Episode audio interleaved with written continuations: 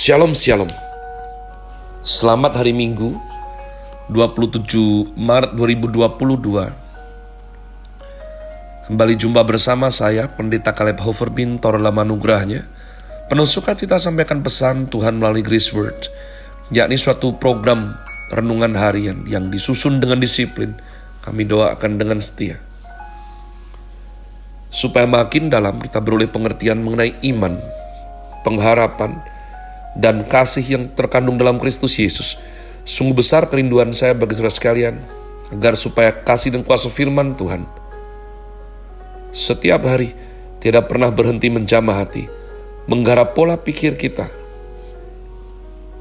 dan terutama hidup kita boleh terbukti berubah menuju Christ likeness.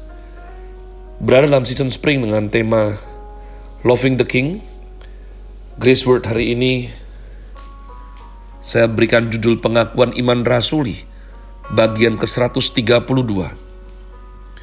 Adapun jika saudara baru ini kali pertama mendengarkan program Grow ini, saya ucapkan shalom dan saya himbau untuk tidak uh, panik atau ya kaget kok sudah 132 no itu semua semata-mata untuk kemudahan pendataan supaya rapi. Sebab Tuhan sudah memberikan kepada hambanya ini untuk recording dan itu bisa jadi roti atau makanan kita yang secukupnya untuk hari ini. Jadi bisa dinikmati hari lepas hari tanpa perlu mendengar yang sebelumnya. Mari bergegas kita sekali lagi, lagi dan lagi membaca yakni warisan iman Kristen daripada Rasul Kristus Yesus secara langsung pengakuan iman rasuli.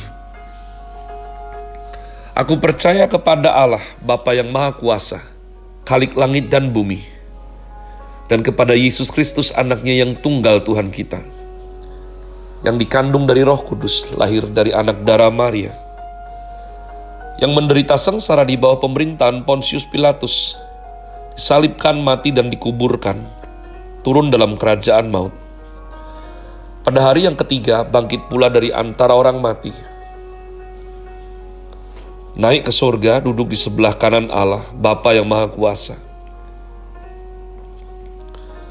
Dan dari sana ia akan datang untuk menghakimi orang yang hidup dan yang mati. Aku percaya kepada Roh Kudus, gereja yang kudus dan am, persekutuan orang kudus, pengampunan dosa, kebangkitan orang mati, dan hidup yang kekal. Amen.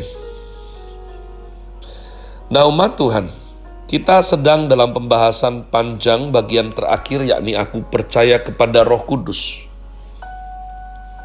Statement ini adalah hak istimewa orang Kristen Sebab di semua agama keyakinan di muka bumi hanya ada di dalam kekristenan. Kristus yang memberikan janji dan mengirimkan roh penolong, roh kudus, parakletos, dunamos, untuk mendampingi, memimpin, dan menghibur orang Kristen. Oleh sebab itu, orang yang benar-benar menikmati roh kudus dan mengalami pekerjaan Roh Kudus berada di dalam kebahagiaan yang besar sekali.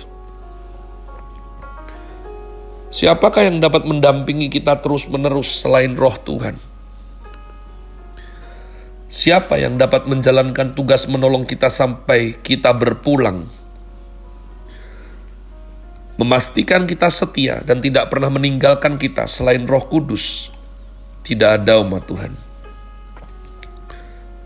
Di masa Dark Ages, kegelapan di mana orang Kristen ditangkap untuk dianiaya, dibunuh, disembeli seperti hewan, dijadikan tontonan di kolosium. Sembari menyaksikan daripada saudaranya, keluarganya, teman, handai telah dibantai. Ya, mereka tetap menunggu antrian. Antrian apa? Antrian dibunuh. Dan mereka tetap tidak sangkal Tuhan Yesus. Kekuatan dari mana umat Allah? Di dunia ini. Apa yang membuat mereka menghadapi semua itu dengan kesiapan hati? dengan keyakinan bahwa mereka menutup mata di muka bumi, membuka mata di rumah Bapa di sorga. Roh Kudus umat Tuhan. Roh Kudus adalah Allah yang nyata. Roh Kudus adalah bagian daripada Allah Trinitas, setara daripada Allah Bapa, Allah Putra, Allah Roh Kudus. Nah, apakah Roh Kudus hanya untuk kenikmatan pribadi saja? Jelas tidak. Kita tidak diperkenankan memonopoli Roh Kudus sebagai pengalaman hak istimewa pribadi, karena Roh Kudus beserta kita. Kita bukan menikmati Roh Kudus untuk diri kita saja, tapi kita harus melihat lingkup yang lebih luas daripada pekerjaan Roh Kudus. Roh yang disebut oleh dan diberikan kepada Kristus ketika berada di dalam dunia. Dalam Yohanes 3 ayat 34 dituliskan bahwa roh yang diberikan Allah kepada Kristus tidak terbatas. Kristus menerima roh secara tidak terbatas. Sehingga yang tidak terbatas berada dengan manusia yang terbatas. Firman yang menjadi daging. Menjelma menjadi manusia yang disebut Kristus.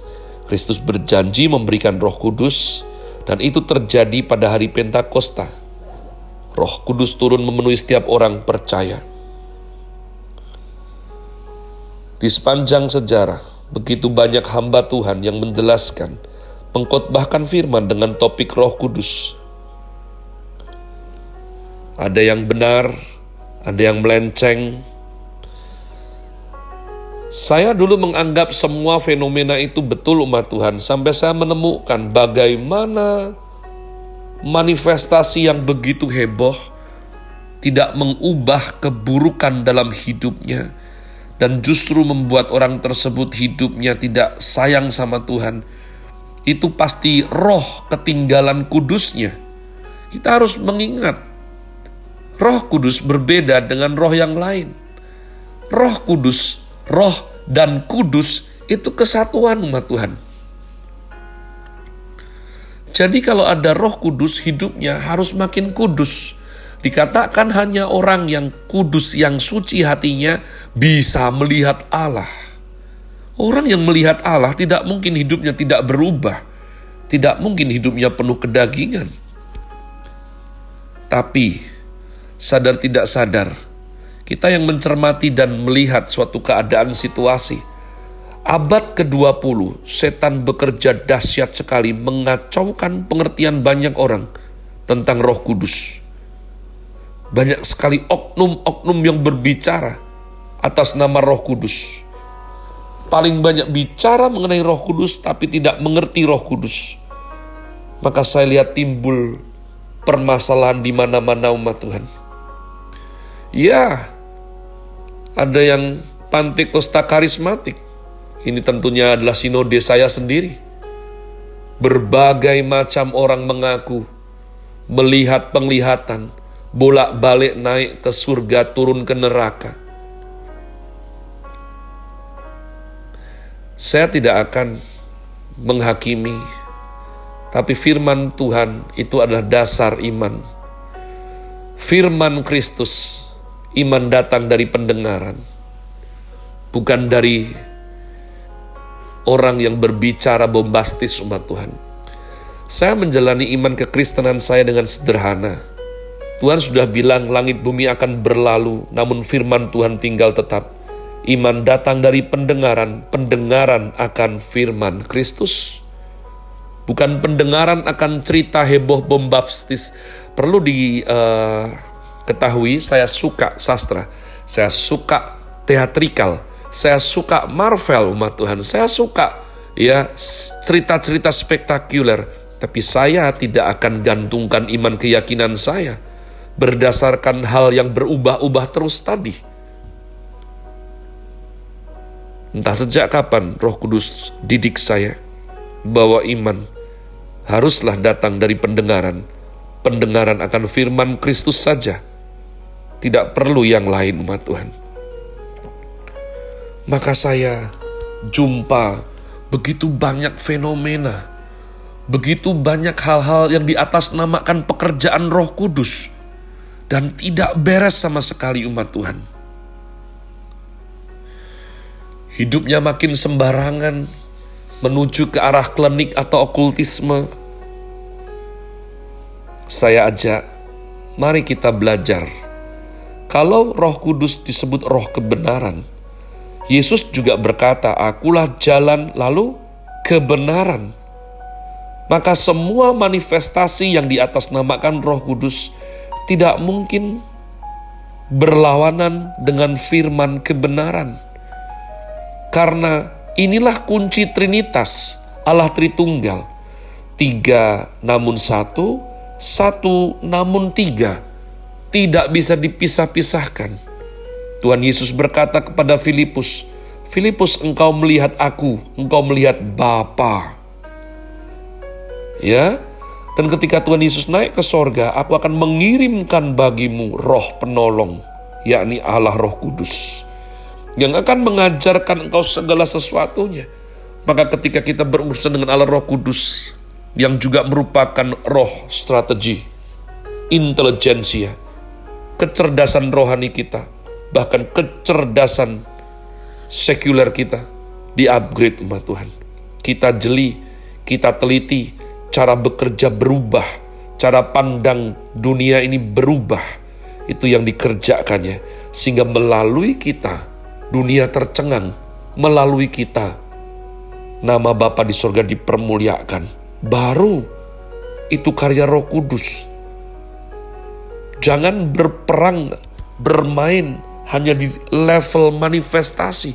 Kemarin aku tertawa tiga jam, bagus, lalu apa? Waduh, kemarin itu didoakan tumbang sampai seharian. Maafkan saya.